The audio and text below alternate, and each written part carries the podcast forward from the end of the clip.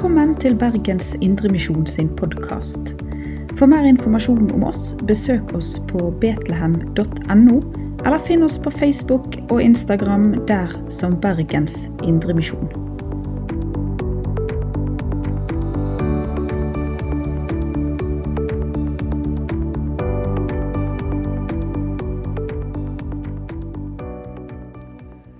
Vi skal til Galaterbrevet.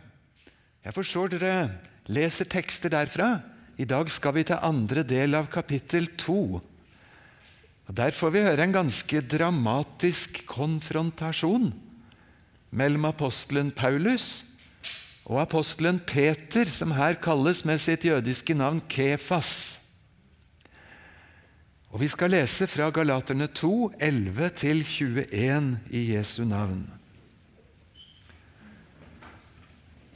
Men da Kefas kom til Antiokia, sa jeg ham imot rett opp i ansiktet, for oppførselen hans avslørte ham. Før det kom noen fra Jakob, spiste han sammen med de edningekristne. Men da de kom, trakk han seg tilbake og holdt seg unna, for han var redd for de omskårne. På samme måte hyklet de andre jødekristne, så til og med Barnabas ble revet med i hykleriet deres. Men da jeg så at de ikke gikk rett frem etter evangeliets sannhet, sa jeg til Kefas så alle hørte det. Når du som er jøde, ikke lever som en jøde, men som en hedning, hvordan kan du da tvinge hedningene til å leve som jøder? Vi er jøder av fødsel og ikke syndere av hedensk ett. Men vi vet at ikke noe menneske blir rettferdig for Gud ved gjerninger som loven krever, bare ved troen på Jesus Kristus. Derfor satte vi også vår lit til Kristus Jesus, så vi skulle bli kjent rettferdig ved troen på Kristus og ikke ved lovgjerninger. For ikke noe menneske blir rettferdig ved lovgjerninger. For hvis også vi som er jøder, blir sånne som syndere når vi vil bli rettferdige i Kristus, er ikke Kristus da blitt en tjener for synden? Slett ikke. For hvis jeg bygger opp igjen det jeg har revet ned, da framstår jeg som lovbryter. Men ved loven døde jeg bort fra loven, så jeg kan leve for Gud. Jeg er korsfestet med Kristus. Jeg lever ikke lenger selv. Kristus lever i meg. Det livet jeg nå lever som menneske av kjøtt og blod, det lever jeg i troen på Guds sønn, som elsket meg og ga seg selv for meg. Jeg forkaster ikke Guds nåde, for hvis vi kan oppnå rettferdighet ved loven, da døde jo Kristus til ingen nytte. Amen.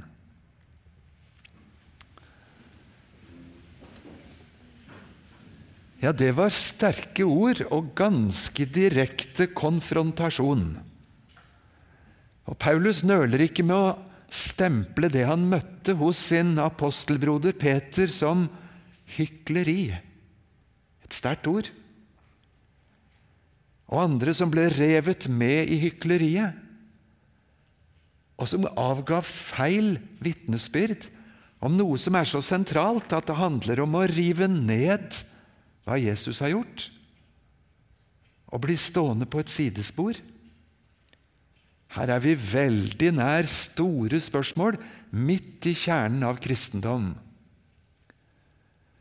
Hva var det som sto så på?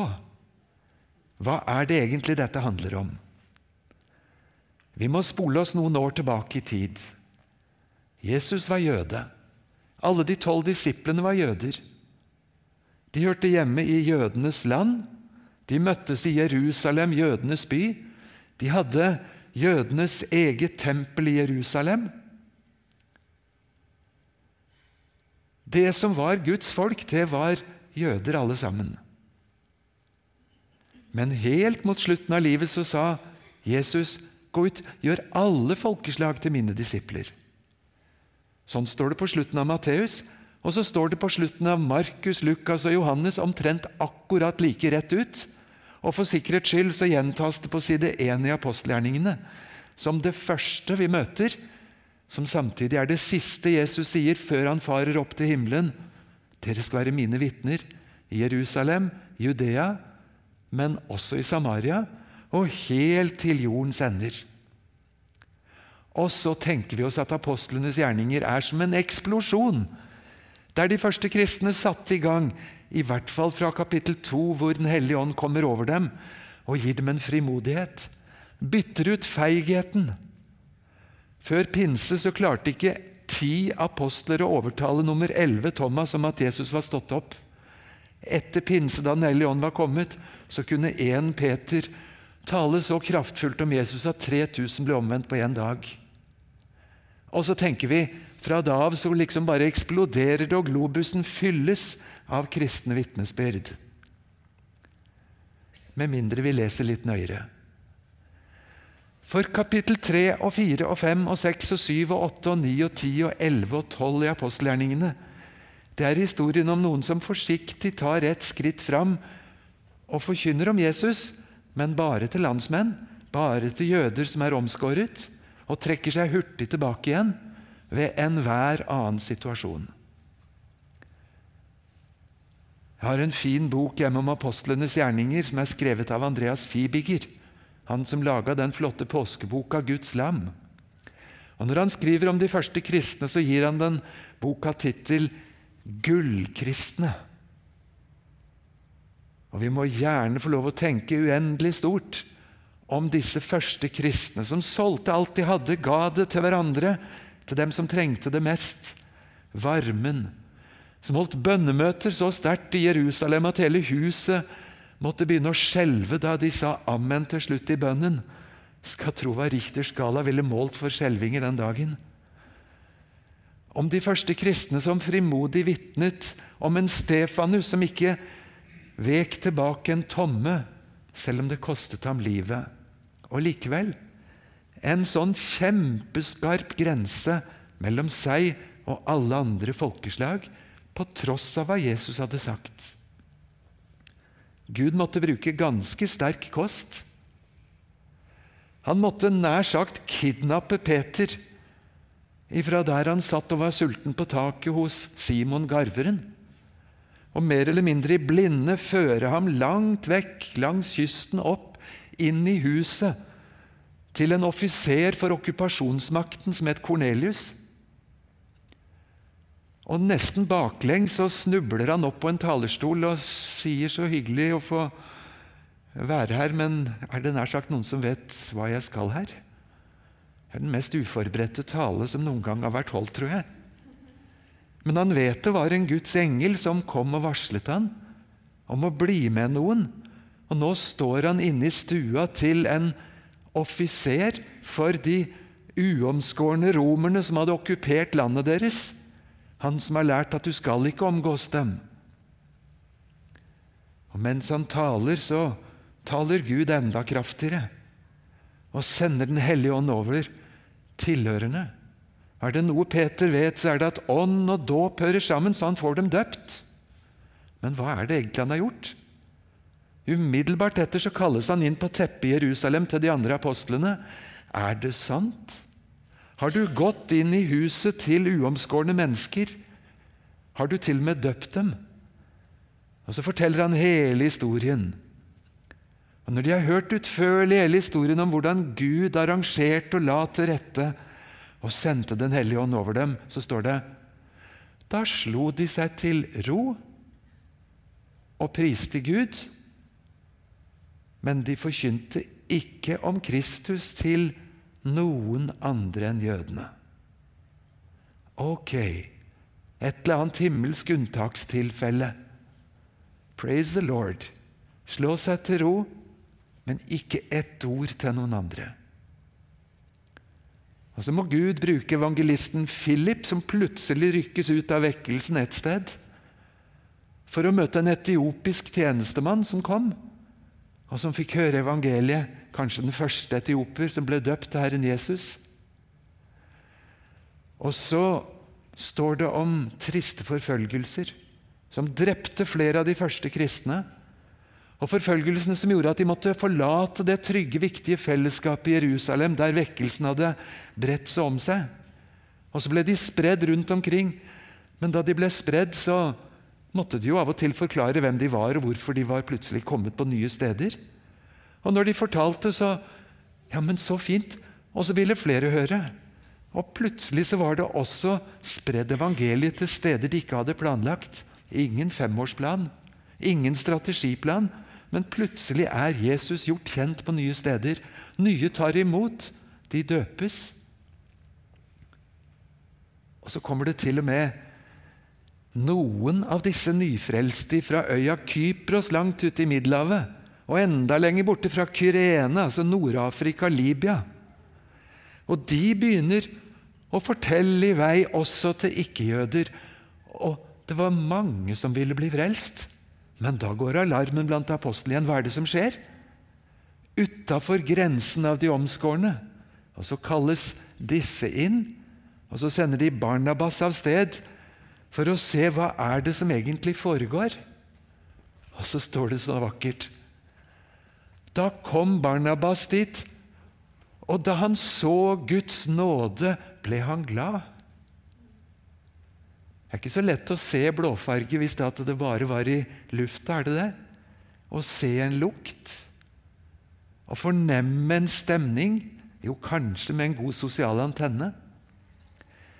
Da han så Guds nåde, ble han glad. Og så oppsøkte han Saul, som etter hvert begynner å kalles Paulus, og sier, 'Du må hjelpe meg å lære opp alle disse nye.' Og så gradvis skjer det en vekst. Men fortsatt er det stor uro.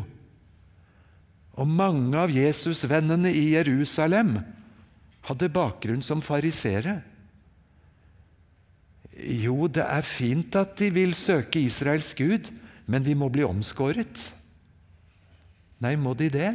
Var det det Herren hadde varslet gjennom måten han hadde ledet dem inn i dette misjonsarbeidet på? Og Så måtte de møtes til det som kalles det store apostelmøtet. Et helt kapittel i apostelgjerningene om hvordan de la fram så ærlig de kunne hva Gamle testamentet sier, hva profetiene varsler. Altså denne nye situasjonen. Og så stiger det fram en samstemmig erkjennelse når Gud i himmelen ikke krever at disse først skal bli jøder ved omskjærelse, og siden leve etter alle jødiske regler om renhet, f.eks. med mat. Da skal ikke vi legge på dem noen byrde. Ja, det er Peter enig og Jakob, Johannes, alle apostlene, Paulus.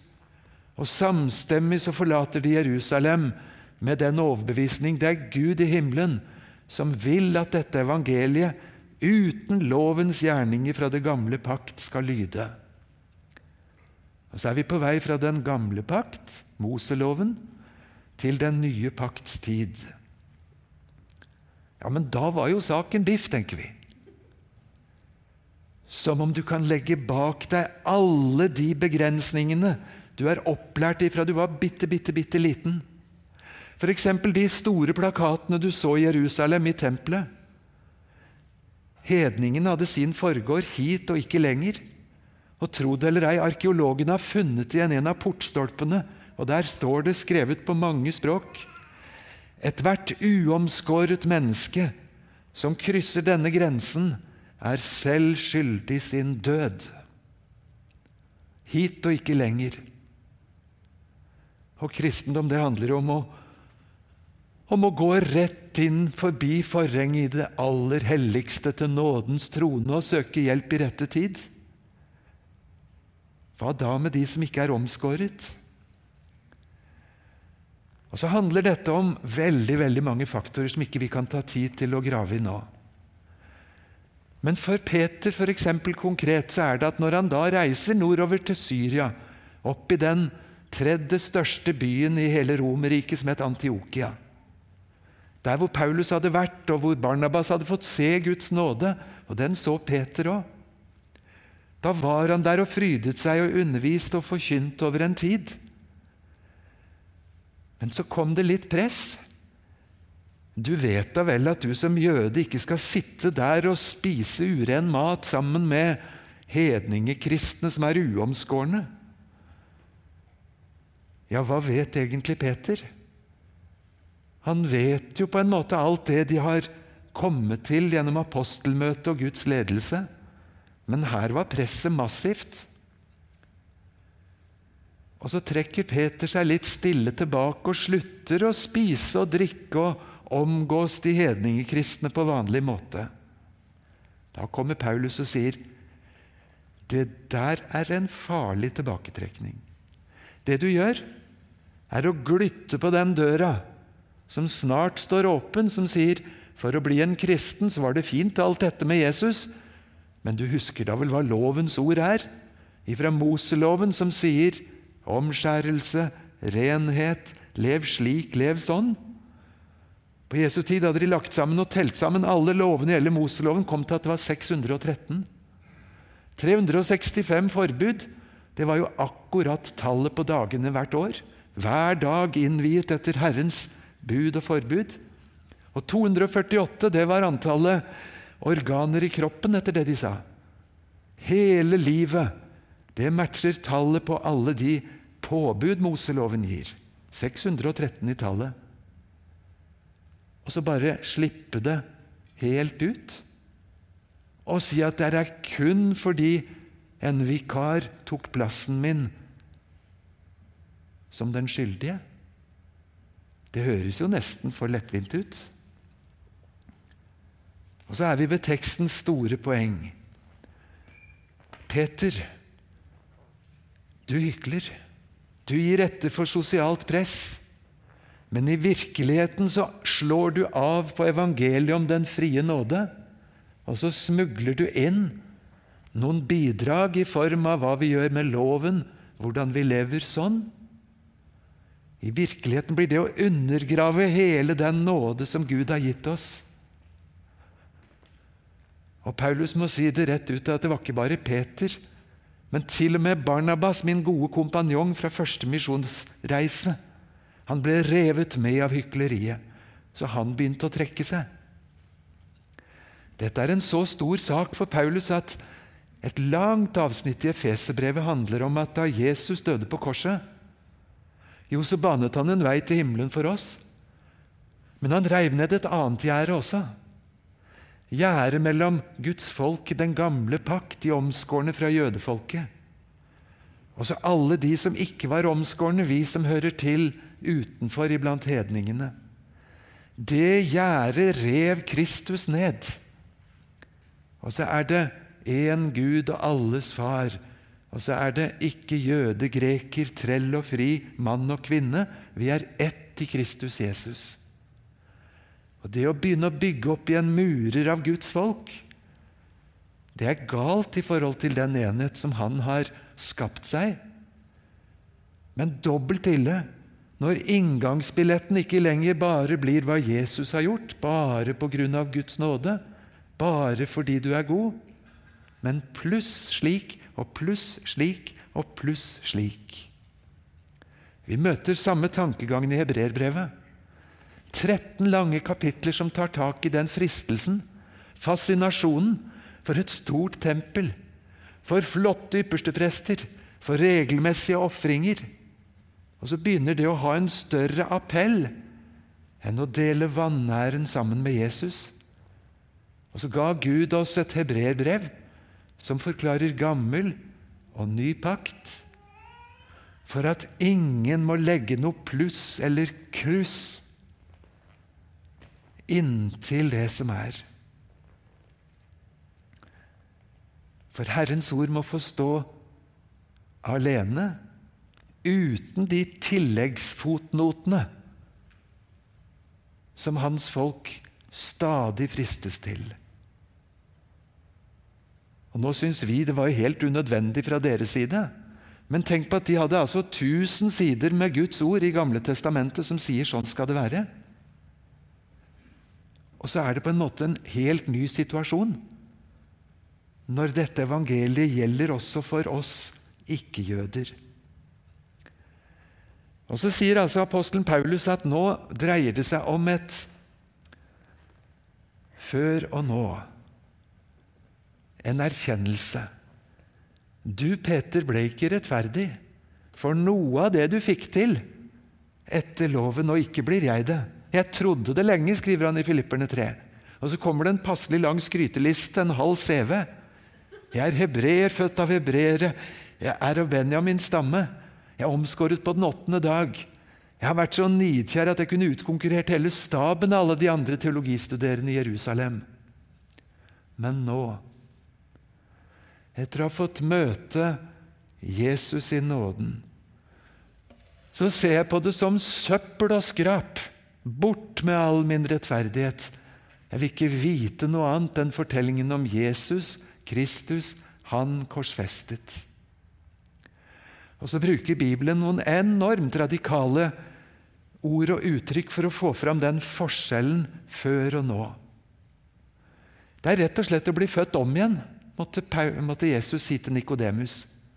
Åssen gjør jeg det, da, mente Nikodemus? Skal jeg tilbake i mors mage og bli født en gang til? Du er Israels lærer og vet ikke dette?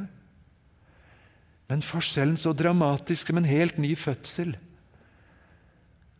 Paulus sier at da jeg fulgte lovens ord og strakk meg så langt jeg kunne og ikke makta det, da døde jeg.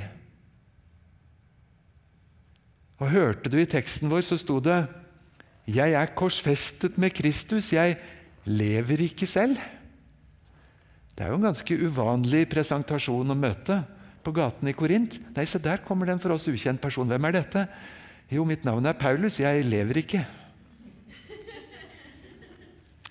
I den grad du ser noe som likevel lever, så er det Kristus som lever inni meg. For den gamle jeg han ble faktisk henrettet og dødsdømt for mange år siden på et kors. Med en statsfiende som romerne ikke kunne ha med. Der ble jeg korsfestet sammen med han. og For sikkerhets skyld så forklarer Paulus i Romerne 6 jeg ble ikke bare korsfestet sammen med ham, jeg døde sammen med ham. Jeg ble begravet sammen med ham. Og jeg sto opp til nytt liv sammen med han. Mitt liv er så knytta til denne Jesus at fortsettelsen er som om hele verden er korsfestet for meg og jeg for verden. Den er død. All den samlede appell som fins i all verdens pengebinger i denne verden. Kors og død og bye-bye, alt sammen, som skrap imot å eie Kristus, dette nye. Språket har ikke sterkere uttrykk for kontrasten. Så når naboene våre rundt omkring tror at nå går de på vei til den der fanklubben sin ned i Betlehem eller en annen kirke. Så tror de vi er en interesseforening eller et hagelag eller et eller annet sånt med særlige hobbyer sammen. Fra himmelen er det noe helt annet. Går et uendelig skille gjennom verden mellom Guds folk og de som ikke er det. De som er født på ny, skapt på nytt, reist opp til et nytt liv. Så er det en himmelvid, bokstavelig talt, forskjell. Og inngangsbilletten kun dette ene å bli erklært rettferdig for det vi ikke er. Rett før talen så sang vi 'Ren og rettferdig, himmelen verdig'. Hadde du hatt mot til å ringe på døra til naboen din og si 'God dag, jeg er ren og rettferdig, og jeg er verdig til himmelen'? Det ville nå være en merkelig beskjed å få slags valgkamp skulle det være?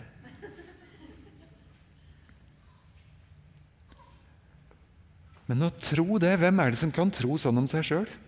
Si meg, går du rundt og innbiller deg sjøl at du er fullkommen? Nei, jeg vet ingen andre som syns det om meg enn Gud. Han er den eneste som har noe med saken å gjøre. Han skal dømme alene. Ren og rettferdig, himmelen verdig, er jeg i verdens frelser alt nå. Ikke når prosessen har gått et stykke. Du møter det så kontrastert i Johannesevangeliet 8. En kvinne grepet på fersk gjerning i hor. Ei felle å sette Jesus i.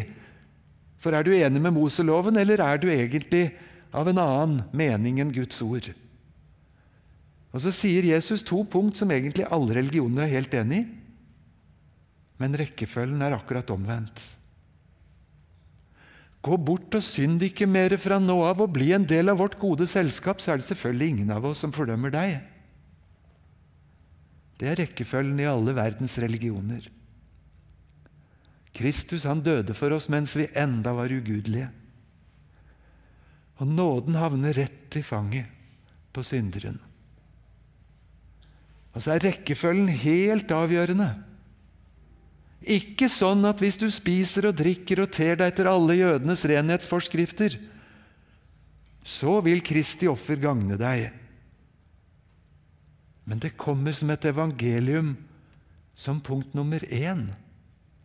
Og så er den enorme forskjellen på troens frukt som skal følge etter, i forhold til om det var betingelsene du først må oppfylle. Og når du er gjennom det, da skal det nå i havn. Og Så kommer dette vidunderlige ordet 'tro'. Du er blitt erklært rettferdig på grunn av tro. Men hvor enkelt er det å tro? Å, hvor mange kristne det er som kjenner det sånn som en fortvilt far i Markus 8. Hjertet mitt er så delt. Jeg vil tro, men så er det så masse vantro, eller i hvert fall tvil, og nøling. Og så lite respons i forhold til det det skulle. Jeg tror, hjelp min vantro. Går det an å stille opp foran Gud og si vantro? Ja, jeg her, selv om det også er tro. Kunne han få hjelp med sønnen sin når han kommer på sånne betingelser? Han fikk hjelp. Ikke fordi han sjarmerte Gud i senk med en dønn ærlig innstilling. Men saken er at han brakte saken sin til Jesus. Ikke fordi han ikke kjente noen tvil, men han tok det til Jesus, og Jesus rådde med det. Klassiske definisjonen på tro det er tre punkt som det skal i enhver definisjon. Det første er å vite om hva vi tror. Det neste er å være enig med det. Det tredje det er tilliten. Dette skal jeg få lov til å satse på. Har du lagt merke til at i Jakobs brev kapittel 2 så står det at en lettvint, billig tro som bare sier 'jeg tror', og som er fullstendig fornektende til alt hva troens virkelighet skulle være, den er en død tro. Og Jakob sier 'selv de onde ånder tror'. Hva var nå det å skryte av? Noen gikk til kirkefader Augustin og spurte hva er det de onde ånder tror og ikke tror. Han ga et genialt svar. La oss ta trosbekjennelsen, sa Augustin. Gud Fader den allmektige himmelens og jorden skaper. Ja, det tror de onde ånder og Satan. Jesus Kristus, Guds enbårne sønn. Å ja, han kjenner djevelen godt. Pint under Pontius Pilatus. Ja. Korsfestet, død, begravet, men sto opp igjen. Ja. Det vet djevelen godt. Skal derfra komme igjen for å dømme levende og døde? Hva tror han vet det? Derfor har han det så travelt. Jeg tror på Den hellige ånd, ja. En hellig allmenn kirke, ja, det vet djevelen veldig godt hva er for noe. Han tar det på største alvor. Men der bråstopper det for djevelens tro, sier Augustin. Han tror ikke syndenes forlatelse. Han tror ikke legemets oppstandelse. Han tror ikke et evig liv. Forskjellen på å være velinformert og si seg enig i alt Bibelen sier, også den frelsende tro, den går der hvor denne historien faktisk gjør en forskjell i mitt liv. For alt jeg manglet, har Jesus oppfylt. Kom som en gave. Tror jeg da? Ja, jeg tror det. Kjenner du hvor vanskelig ordet kan kjennes? Det var en som i sin fortvilelse sa jeg skulle så ønske troen hadde et håndtak. Så jeg kunne liksom dra det ut og se. Å ja, der var det. Å, det var godt. Og putte den på plass igjen. Men har troen noe håndtak? Kan du se den, sette den i glass og ramme og si 'der er det, jeg har fiksa det'? Nei, for sånn er det vel ikke, er det det? Et av de andre fine ordene i Bibelen for å tro, det er å bekjenne. Vær den som bekjenner meg for menneskene, skal jeg bekjenne for mine engler, sa Jesus. En av de nydeligste gloser på gresk, nesten verdt hele greskstudiet i seg sjøl. Det er ordet 'bekjenne', for det heter 'homologeo'. Si det samme som. For å bekjenne troen det er ikke å finne på noe utrolig fancy, fantastisk nyskapende noe. Det er å bli enig med Gud. Å bekjenne sin synd det er å være enig med Gud om at synd er synd, og jeg er synder. Bekjenne troen, det er å bli enig med Gud om at Jesus er Guds sønn som døde for våre synder. Og det flotteste av alt samme ordet som vi oversetter med å bekjenne, det oversettes også med lovsang. Et av de tre-fire vanligste ordene for lovsang i Bibelen det er å si det samme som å bekjenne.